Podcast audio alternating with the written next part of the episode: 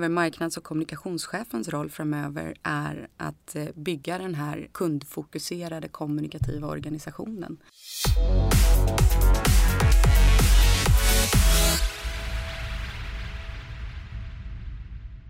Dagens marknadschef är en produktutvecklingschef, en kommunikationschef, en varumärkesstrateg nu för tiden.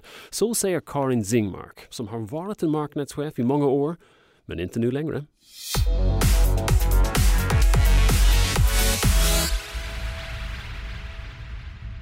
Karin Zingmark, du är den första som inte är en marknadschef idag i alla fall eh, på Contentpodden. Du har varit dock marknadschef och haft många tunga roller tidigare. Så berätta gärna om din karriär och jag glömde säga jättevälkommen till Contentpodden. Men berätta gärna om karriären. Tack snälla. Um, ja, jag har haft en uh, spännande karriär hittills. Um, och det, det, i grund och botten är jag en väldigt nyfiken person som älskar att eh, driva förändring och tycker om när jag ser resultat. Eh, och jag gillar att lära mig nya saker. Så att eh, jag började eh, min karriär för länge sedan nu faktiskt i tv-branschen på Kanal Digital. Och då var digital-tv hett. Eh, så att jag jobbade som projektledare på en marknadsavdelning och lärde mig jättemycket om marknadsföring generellt i den rollen. Eh, men fick också ta mig an det här ansvaret att lansera digital-tv på svenska marknaden för det här bolaget.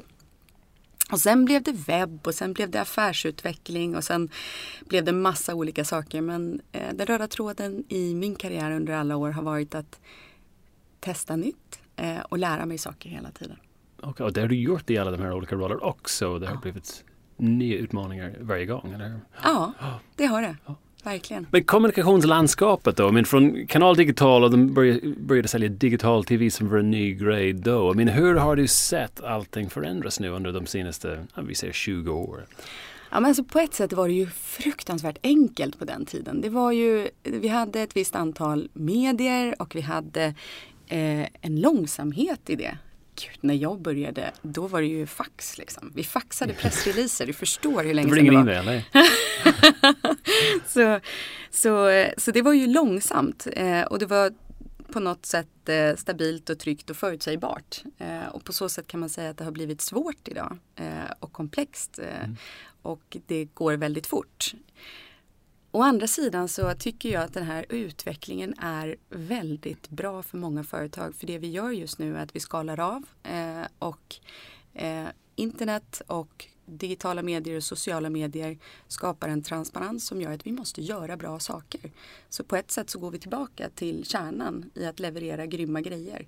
Eh, och det är en bra utveckling. Så man kan säga att produkten eller tjänsten man levererar måste bli bra nu medan det kanske inte behövde bli lika bra för 20 år sedan? Nej men precis. Förr i tiden så kunde man ju faktiskt, i alla fall under en tid, klara sig rätt så bra om man hade en stor marknadsbudget eh, och var smart på att eh, trycka ut ett budskap. Så kunde man sälja som bara den.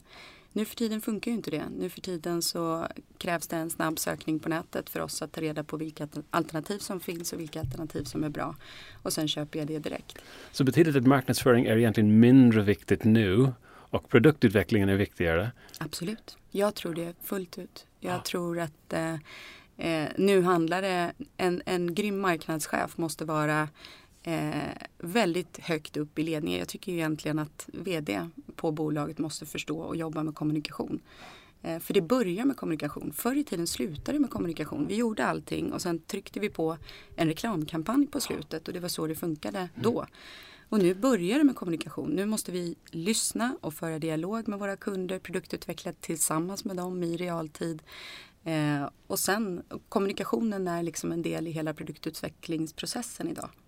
Okej, okay, men det är, ju, det är ju en annan sak. Det, det betyder att egentligen en, en marknadsförare idag måste vara en helt annan sorts person. Det handlar inte om att skapa en intressant eller kreativ kampanj eller, eller köpa in den för någon utan att man måste verkligen lyssna till alla i en organisation och till alla kunderna och utifrån den hjälpa med ja, den hela, hela affären. Kan man säga. Ja, precis. Jag tror att eh, marknadschefens roll Eh, framöver, marknads och kommunikationschefens roll framöver är att eh, bygga den här eh, kundfokuserade kommunikativa organisationen eh, som verkligen lyssnar och för dialog med kunderna och som eh, utnyttjar kraften med de digitala medierna ehm, på ett sätt hela tiden.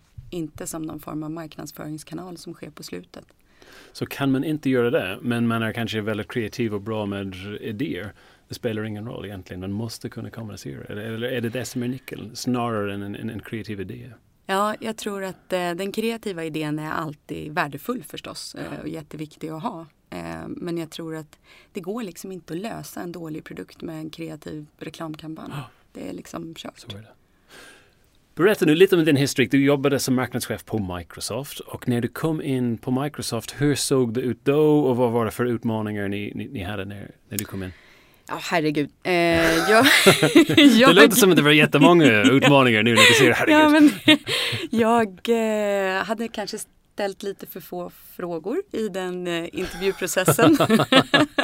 så att eh, eh, jag jobbade ju som eh, kommunikationschef på MTG och Viasat eh, innan dess. Och så blev jag kontaktad angående den här tjänsten och när jag väl kom på plats, jag fick, så uppdraget var att modernisera marknadskommunikationen på Microsoft i Sverige. När jag kom på plats så visade det sig att jag hade ett team eh, på 15 personer men vi hade noll kronor i budget. För på Microsoft så låg budgeten hos produktchefer och eh, hos partnerteam och teknikteam och det var en en budget som var utfördelad på 45 olika budgetägare i en organisation på 600 personer och marknadsfunktionen var då en utförar servicemarknadsorganisation. En in-house byrå nästan. Ja. ja. Um, så marknadsföringsbesluten togs i de här olika 45 kan man säga olika enheter? Ja, och om man då har många väldigt små budgetar och uppdragsgivare som inte är marknadsförare i grunden egentligen så blir ju beställningarna inte så bra. Så vi gjorde ingen bra kommunikation överhuvudtaget. Så mitt första uppdrag var ju faktiskt att, eh, att få alla att förstå att vi behöver centralisera den här budgeten för att kunna göra bra saker. Så att eh, jag började i februari och Microsoft har brutit räkenskapsår. Så första juli det är då eh, man lägger planerna Q4 och sen från första juli det är så man kör. Yeah. Så jag hade lite bråttom där att eh, förankra det här hos alla instanser i Sverige. Det roliga är att eh, det gick och jag är fortfarande lite chockad så här i efterhand för att vi bröt ju modellen då i Sverige. Ja. Eh, så i Sverige gjorde vi Bara så. inom tre månader efter du hade börjat jobba där? Ja. Eh, det var ett bra team. Jag var ju rekryterad för att göra ja. den här förändringen och, och jag hade ett jättebra gäng på marknad som också ville driva den här förändringen. Och de olika budgetägarna i organisationen eh, förstod också att okay. sättet vi hade jobbat inte var så bra. Vi hade yeah. inget bra resultat. Eh, så det var väl ungefär så här att jag fick ett år på mig. Att det var, man, man tog den här budgeten, klumpade ihop den och la den till marknad och sa okej okay, varsågod, visa oss vad, vad ni kan göra med det här. Det, det imponerande, det var inte mitt jobb som var imponerande, det imponerande var det här, den här organisationen och de här människorna som då sa att okej okay, men ta budgeten. De bröt ju eh, modellen för hur Microsoft funkar globalt. Okay. Så, de, för så funkar det inte i något annat land. Så de fick ju i sin tur då förklara för sina respektive eh, chefer eh, på högre nivåer att eh, i vissa fall så sa de inte att vi gjorde så utan okay. de eh, berättade det inte helt enkelt. Och i vissa fall berättade de det och förklarade att vi har fattat ett lokalt beslut att göra så här. Så nu har du en, en budget eh, och du har en team. Ja. Nu måste du leverera ja. därför att du har den här tidsram, ett år att leverera ja. någonting bra. Så vad gjorde du efter du fick den här budgeten då? Då gjorde vi så här att vi eh, levererade väldigt mycket utefter de förväntningar som fanns.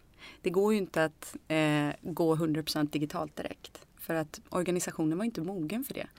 Så att vi gjorde rätt så mycket event och telemarketing också under det där första året. Men samtidigt så utbildade vi organisationen i hur vi borde jobba och hur vi skulle kunna jobba. Vi hade jättemycket eh, just utbildningssessions på digitalt. Vi bjöd in byråer och vi körde själva. Ehm, och content och sådana här saker ehm, under året som gick och så gjorde vi små, små, små förändringar. Vilket gjorde att vi fick behålla den här setupen eh, år två. Och år två kunde vi verkligen börja jobba ordentligt med digitala kundresor och investera i sök och sådana här saker som vi inte hade gjort tidigare alls. Okay. Hur såg den digitala resan ut för era kunder då i så fall när de började ha, like, vilka sorts touchpoints hade ni? Med, med vi jobbade eh, mycket mer med sök än vad vi hade gjort tidigare och vi jobbade med eh, content på olika sätt. Okay. Vi testade mycket eh, native advertising okay. grejer eh, och drev trafik eh, till olika platser. Det som var roligt var att vi eh, under det här år två tror jag det var, då testade vi oss fram i marketing automation eh, för att faktiskt eh, ja, men, låsa in, det här är ju B2B, så att ah. låsa innehåll på sidan för att få eh, kontaktuppgifter och sen driva vidare. Sådana saker gjorde vi parallellt som vi gjorde det i Sverige så gjorde USA samma utveckling okay. eh, inom marketing automation. Så att tredje året jag var där då eh, införde man ordentlig, tillsammans med Marketo, ordentlig marketing automation. Okay. Eh, så att vi, vi möttes väldigt fint där för svenska organisationen var redo och hade gjort rätt så tafatta tester yes. på egen del. Såg ni effekt av marketing automation? Var det den som lyfte den eller vad var det som eh, gjorde förändringen? Ja, det gjorde det vi. Det. det. gjorde vi. Och det var faktiskt jättekult för att när jag började på Microsoft eh, det är ju svårt att mäta eh, leveranser eh, på ett bra sätt om man jobbar ehm, lite osofistikerat med marknadsföring. I, på sättet som Microsoft mätte resultat av marketing då var det leads, alltså potentiella okay. affärer. Eh, och det kunde man ju fuska sig till rätt lätt om man eh, tryckte in en massa eh, e-mailadresser som man sa hade varit på ett event så blev det ett lead eller något liknande. Right. Okay. Eh, när jag lämnade Microsoft och det här är inte eh, tack vare mig utan det här är tack vare att Microsoft eh, tillsammans med Marketo eh, rullade ut automation fullt ut. Då mätte man eh, på intäkt. Så att vi kunde gå okay. från att vara en klassisk kostnadspost som marknadsavdelningen ofta är till en intäktsdrivande okay. eh, del av organisationen, vilket på, är supercoolt. Just det, på vilket sätt då kunde du se att en marknadsförings aktivitet har lett till en intäkt. I mean, mm. På ett sätt kan det, det, det, det var hela en conversion eller? Hela vägen. Ja. Alltså vi mätte hela mm. vägen från en investering i en av alla de olika eh, initiativen vi gjorde till eh, när kunden då gick från ett unknown till ett known Just lead. När man uppger kontaktuppgifter. Just det. De ville ladda ner en eh, white paper eller ja, någonting och så precis, hade ni eller titta på ett webbinar eller yeah. gå på ett event också för den delen eller vad det nu var de gjorde. Eh, och sen så eh, hade man ett grading system så att eh, de fick olika typer av innehåll okay. yeah. eh, riktat till sig och beroende på hur de agerade så blev de mer och mer eh, röda om man yes. säger på yeah. skalan intresserade. Och sen plingar det till eh, någonstans i systemet eh, och då blir de ju uppringda och sen så blir de slussade till lokalsälj eller till en partner eller liknande och trackat hela vägen till köp. Cool. När jag tänker på Microsoft så tänker jag att ni kommer att dra en kunder ändå. Like, ni är totalt dominant. Ni ligger på allas datorer. Alla mm. har Word, Excel och PowerPoint minst. Mm. You know, och använder minst en av de tre. Så det är like, vad är det att marknadsföra? Ni, ni, ni, är, ni är överallt. Um, så, men jag har fel. Typ, måste jag ha? måste jag? Utgår ja, jag ifrån. Ja. Ni måste ha haft något att göra. Absolut. Absolut. Nej men så här är det. Microsoft eh, Först och främst, Microsoft är ju jättekomplext. Det är mycket mer än vad... Jag hade den bilden av Microsoft ja. när jag började också. Eller innan jag blev kontaktad av Microsoft. Man tänker Office-paketet. Ja, exakt. Ja. Men Microsoft är ju först och främst backend. Så molntjänster och allt det som är rören i väggarna. Som är det större än Office-paketet? Nej, backend. Office är... Air use ja, störst. Okay. Ja. Eh, men så det är all backend och sen är det all mjukvaran eh, och Windows är en jättestor yes. del. Men sen är det också hårdvaran i, eh, och det är en liten del. Eh, men då är det Surface-datorer framförallt. Yeah, just eh, och eh, Windows-telefoner som numera inte riktigt finns. Nej, jag tror inte det finns längre. Nej, exakt. Nej, inte så, ja, det finns men jag tror att det är på väg ut. Så, så, det, så har det varit snarare ett fokus på att okay, hur säljer vi en mer backend B2B-mässigt och de, de saker, där var det inte ja, en krig absolut. men i alla fall konkurrens. Ja men absolut, där var det konkurrens och sen är det ju det här att när um, det var en sak, Microsoft har fokuserat i många år på just B2B och IT-målgruppen. Men eh, sen flera år tillbaka nu så förflyttas IT-budgeten ut i verksamheten. Yeah. Eh, så då blir plötsligt andra roller viktiga. Så mm. marknadschefen blev viktig, HR-chefen ja. blev viktig, försäljning blev viktigt. Ehm, och då måste man bygga relation med dem och det är en helt annan femma än att prata med en IT-chef. Yes, yeah. Ehm, så att det, hela trenden med bring your own device eh, har ju påverkat eh, Microsoft jättemycket. Mm. Men ni har lyckats? Eller hur, hur, hur har det gått? Like, om, om man mäter effekten från när du var där? Ja, när jag var där, när jag började så mätte man ju som sagt eh, på ett väldigt omoget sätt resultat av marknadsinsatser. Jag kan knappt ens säga att vi mätte resultat. Okay. För det var leads eh, och det säger egentligen ingenting. Eh, och nu mäter man ju intäkter och det är ju fantastiskt mycket eh, roligare för en marknadsorganisation att jobba, att verkligen bidra till affären. Just det. Och det ger en bättre bild i alla fall. Ja, ja absolut. Och att kunna, men är det enda sättet att koppla marknadsföring till affärerna genom market automation? Eller finns, mean, jag tänker på alla kör inte med market automation. Olika företag gör inte det. Men är det ett budskap alla bör göra det? Eller? Jag tror att marknadsorganisationen behöver bli mer affärsnära i många fall. Mm. För att jag tror att det här att vi mäter bara kännedom och preferens och sådana här saker, mjuka värden. Mm är en rest av hur det såg ut förr i tiden. Ja. När vi kunde jobba med reklamkampanjer och köpta medier ja. och mäta ifall någon har sett det vi sa och vad de tycker. Men nu för tiden med datadrivet och digitalt så kan vi ju mäta hela vägen till sälj. Så varför inte göra det? Ja. Sitter jag som en marknadschef i en liten organisation som är ny på marknaden, hur ska jag göra för att ut? Mm. Jag tror eh, man inte ska tänka kanaler. Eh, och inte tänka så kanske så mycket digitalt eh, traditionellt heller. Utan det allra viktigaste för alla bolag oavsett du är liten eller stor är att stå så nära din kund du bara kan. Sätta dig in i vad är det vi levererar, vilket problem löser vi, vad är vårt syfte här, hur kan vi vara relevanta. Eh, och så bygga för, föra den här eh, dialogen och bygga den här relationen med kunderna tror jag är det absolut viktigaste. Sen faller det andra sig rätt naturligt. För då lär vi känna dem och då vet vi hur de beter sig och då förstår vi eh, hur vi kan nå dem. Och utifrån den skapa en strategi när man har börjat ja, förstå. Exakt. Ja. Därför att det finns en massa olika kanaler ja. idag också. Och det är väl också frågan, ska man vara, även när ni gör det på Microsoft eller tidigare, Ska man försöka vara i alla kanaler därför att alla konsumerar på tio olika kanaler ändå? Eller ska man bara välja några stycken? Eller ja, vad är bästa väg att gå när det finns så många att välja på? Ja, precis. Eh, det har ju verkligen att göra med vilka förutsättningar man har. Eh, både resurs och budgetmässigt. Men jag tycker det är superviktigt att man hela tiden, det är så föränderligt. Eh, att man hela tiden testar nya vägar att nå ut och jobba mm. datadrivet. Alltid mäta resultat och utvärdera och testa igen. Det. Um, för det är väl det egentligen som är den största faran för marknadsorganisationer. Att man fastnar i ett sätt att jobba och så ja. förändrar man inte det. det. Uh, och omvärlden förändras från en vecka till den andra ja. just nu. Absolut internt nu i organisationen, jag har varit konsult sedan jag har kommit till Sverige 2001 och jag har inte jobbat inne hos kund. Så den interna organisationen, därför där känner jag att det måste bli otroligt mycket politik och, och, och jobb. Så hur ska en marknadsorganisation se ut eh, idag? Like, vad är den optimala organisationen med tanke på alla de här förändringarna som har skett? Mm. Jag tror att, eh, jag förstår absolut inte att man fortfarande har en kommunikationsavdelning och en marknadsavdelning för det första.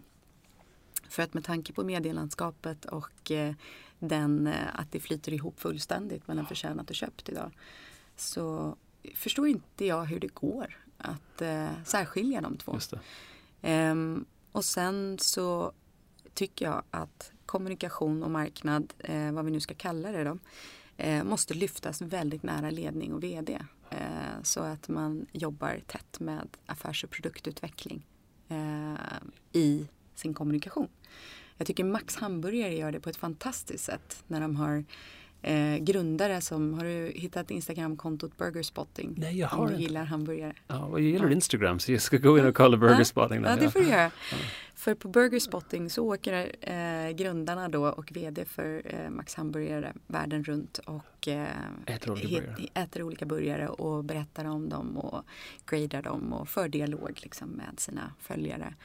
Eh, men sen så har ju då eh, tack vare hela organisationen präglas av ett sånt här tänk av att vi ska lyssna och vi ska följa trenden i omvärlden och vara nära våra kunder så, så har de ju anammat vegotrenden väldigt tidigt.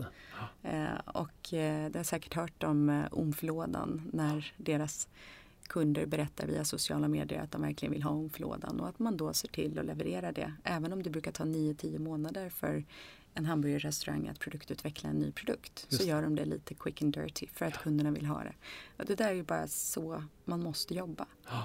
Men en intern organisation, jag tänker också på en säljavdelning och en IT-avdelning eller you know, skulle de vara väldigt nära kopplade också till marknad och kommunikation och vad det nu ja, kallas för? IT har ju en eh, spännande uppgift i många fall. Eh, tufft, fruktansvärt tufft. Ja. Eh, man har i flera fall eh, bara haft fokus att bespara, dra ner på IT-kostnader. Eh, och allt eftersom IT och tech blir viktigare och viktigare i verksamheten så skapas det skugg-IT-budgetar överallt i organisationen ja. som skapar väldigt mycket huvudvärk. Så ja, IT behöver verkligen bli mer verksamhetsnära eh, och sitta närmare sälj och marknad. Sen, eh, jag sa tidigare att kommunikation och marknad bör ju slås ihop. Och när, när vi pratar eh, marketing automation och e-commerce är ju frågan varför det ska finnas en försäljningsavdelning och en marknadsavdelning ja, också. Eller hur, ja eh, exakt. Faktiskt. Men man tänker också det är lite så jag tänker också. Jag tänker även med IT-delen att med all dataanalys och mätning mm. att det finns en självklar plats för någon like för dataanalytiker i en marknad och comms-avdelning och så börjar man tänka, men vänta nu ska man Ska vi ha inga avdelningar alls? Eller, eller, och kan den funka om man har en stor organisation när det finns nu plötsligt 150 människor i en avdelning där innan det fanns bara 15 eller 20. Like hur, och hur kan man få den att funka? Jag tror vi är väldigt präglade av hierarkiska organisationsstrukturer. Ja. Det är ju så man alltid har jobbat. Ja. Ända sedan löpande bandprincipen så var det hierarkiska organisationsstrukturer. Och det är jätteförvirrande för oss att tänka att vi ska jobba i eh, nätverksorganisationer i större utsträckning ja. framöver. Men teknik möjliggör ju för det. Eh, teknik, det, är faktiskt väldigt roligt. Om man jobbar digitalt. Eh, på Microsoft så hade vi ju faktiskt inga, eh, vi hade kontoret men eh, vi jobbade ju var och när vi ville. Eh, 100% flexibelt, inga fasta platser och sådär. Då blir ju plötsligt hierarkierna lite mindre viktiga. För man samarbetar digitalt Eh, på ett annat sätt. Roller idag som finns i en marknadsorganisation eller comms-organisation eller vad vi nu kallar det för. Um, vilka sorts, är det nya roller som du tror behövs idag och, jämför, och finns det vissa roller som vi egentligen inte behöver längre som vi, eller som vi kanske inte har längre? Har du, har du sett en förändring? Ja, alltså det, vi, eh, vi måste sluta ha digitala roller. Eh, för så fort vi har en digital chef eller digital och hå så säger vi att de andra inte ska vara digitala. Det. och det är ju galet. Så det tror jag vi måste, eh, det är verkligen på tiden eh, att plocka bort de digitala rollerna. Eh, vi gjorde det eh, som försök på Microsoft och vi hade på marknadsavdelningen eh, ett litet team som var det digitala teamet för att det hade varit så sedan ett tag tillbaka. Och då eh, försökte vi prata om dem som våra innovationshub istället. Som ligger liksom ett steg före och som kan utforska nya sätt att eh, kommunicera. Eh, men att alla jobbar digitalt. Det är liksom en självklarhet ja, idag. Absolut. Ja.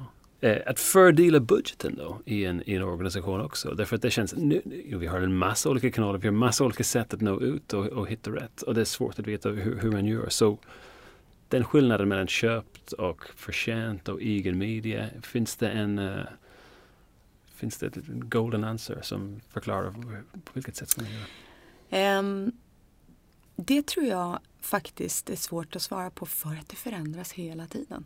Uh, just nu så behöver du uh, lägga till mycket köpt i det som förut var förtjänat uh, för att nå ut. Um, och eget är ju jätteviktigt med tanke på din hubb och din affär som du har där. Um, men det där är någonting som man som marknadschef idag hela tiden behöver testa och utvärdera. Så jag tror inte att det finns en 30-30 eh, eh, modell eller något liknande. Nej, det, det, där, det, där, det där förändras hela tiden. Däremot om man tittar på traditionellt versus digitalt så vill jag ju provocera lite grann i bara att ifrågasätta vad du behöver det traditionella för. Om man definierar det traditionella som traditionell reklam som avbryter och stör.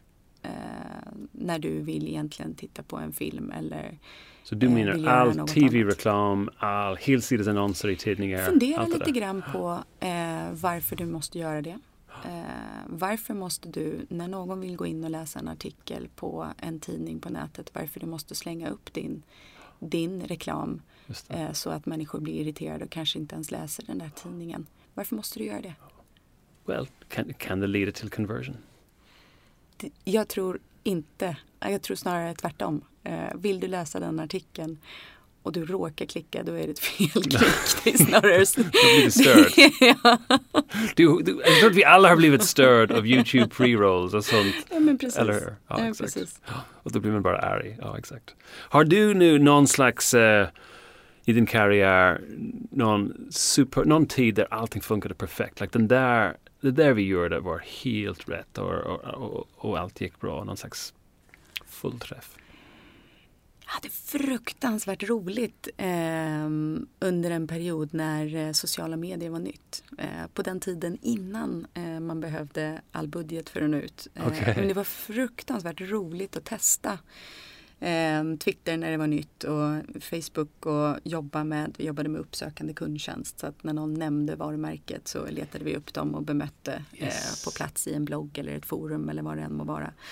Eh, vi testade Och de blir eh, väldigt positivt överraskade. Ja, men precis så. Ehm, och så när, eh, när Google Plus var hett och det. det. var sådana här livesändningar via Youtube och Google Hangouts och sådana här saker. Fantastiskt roligt att testa och se vad det kan ge. Cool. Någon fiasko? Någon jättemisstag? Absolut. Jag har gjort så många misstag. Och jag, och jag funkar ju så här som person att jag eh, förtränger det. Eh, Men eh, en situation kan jag inte förtränga för det var så fruktansvärt jobbigt. Jag skyller på att jag faktiskt var nyopererad. Jag hade en sån här blindtarmsoperation. Jaha, okej.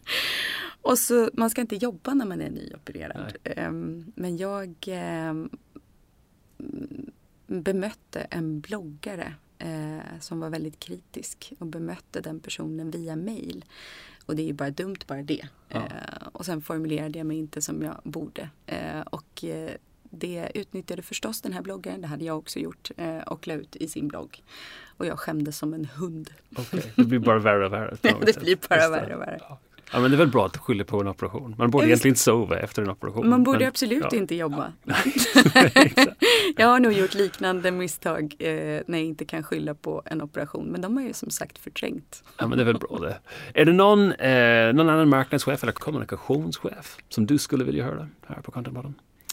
Vet du vem jag skulle vilja höra? Nej, det är därför jag frågar. Jag skulle vilja höra, jag skulle vilja höra en, en person som inte är kommunikationschef. Hon är VD. Hon är VD för Telia i Sverige och heter, heter Helene Barnekow. Och det som är väldigt spännande är att hon eh, driver eh, en förändring på Telia nu eh, som mycket bygger på ett kommunikativt ledarskap. Okej. Eh, och det är en sån VD som jag tror eh, många bolag behöver i dagens medielandskap. Superintressant. Vi ska se om vi kan få tag i, eh, i henne. Det var superintressant. Nu, jag har en sista fråga. En pest eller kolera-fråga som vi gillar att ställa till alla. Um, du, du kommer att få två alternativ. Du måste välja en. Och vi tänkte på grund av att nu är du inte marknadschef längre. Och, eh, du har ett drömjobb men nu får du ett jobberbjudande och du får två olika och du måste välja en. Så du, du, du måste, och sen måste du motivera varför du, du väljer den. Och vi tänker därför att du har gjort så mycket bra när det gäller digitala resor. Vi, vi har försökt hitta jobberbjudande som så icke-digitalt som det kan gå. så måste du välja här. Så det första jobbet som du blir erbjuden är att sälja biblar till alla hotell i Sverige dörr till dörr. Eh, Dörr till dörr Dörr till också. dörr, absolut. Därför annars skulle du ha hittat någon market automation set för att kunna sälja dem. Det vet vi redan, att du skulle ha tänkt på det. Ehm, eller så är du ansvarig för att sälja kontorsperm till alla digitala startups i Sverige. Åh gud vad roligt. Vad spännande! Vet du vad? Jag skulle lätt sälja kontorspärmar till alla digitala startups. För jag skulle få träffa så fruktansvärt roliga människor. Det skulle du men skulle du sälja så många, så många kontorsperm? Nej, jag skulle det- troligtvis inte eh, sälja en enda, men jag skulle ha roligt. Så du skulle köra med den? Det låter kanon. Karin Singmark, tack, tack så mycket för att du var med. Tack. Contentpodden kommer från contentbyrån Breed. Mitt namn är Colin O'Callaghan. Och du hittar oss på LinkedIn på breedcontent.se. Gå gärna in till iTunes och ratea oss där också. Vi lyssnar gärna på er feedback.